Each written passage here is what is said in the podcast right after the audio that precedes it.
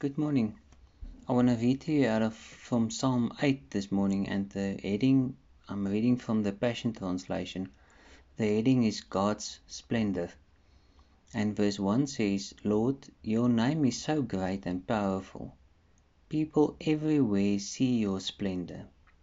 Your glorious majesty streams from the heavens, filling the earth with the fame of your name.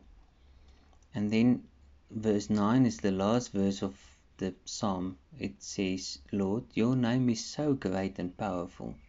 People everywhere see your majesty. What glory streams from the heavens, filling the earth with the fame of your name. It's the same as the first verse. David is just feeling so strongly about who God is, the attributes of God, that he, he cannot stop praising God. I want to ask you, when last did you that you just praise God for who He is and not for what He can do for you?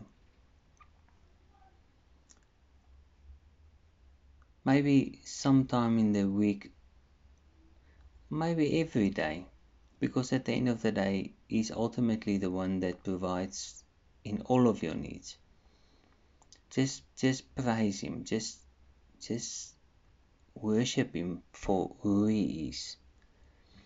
Let's pray. Lord thank you that your truth dwells in the atmosphere of worship. Strength and glory are in your sanctuary. I worship you in the splendor of your holiness. I praise you because you are mighty. You are powerful. You are loving. You are kind Lord, there's so much more.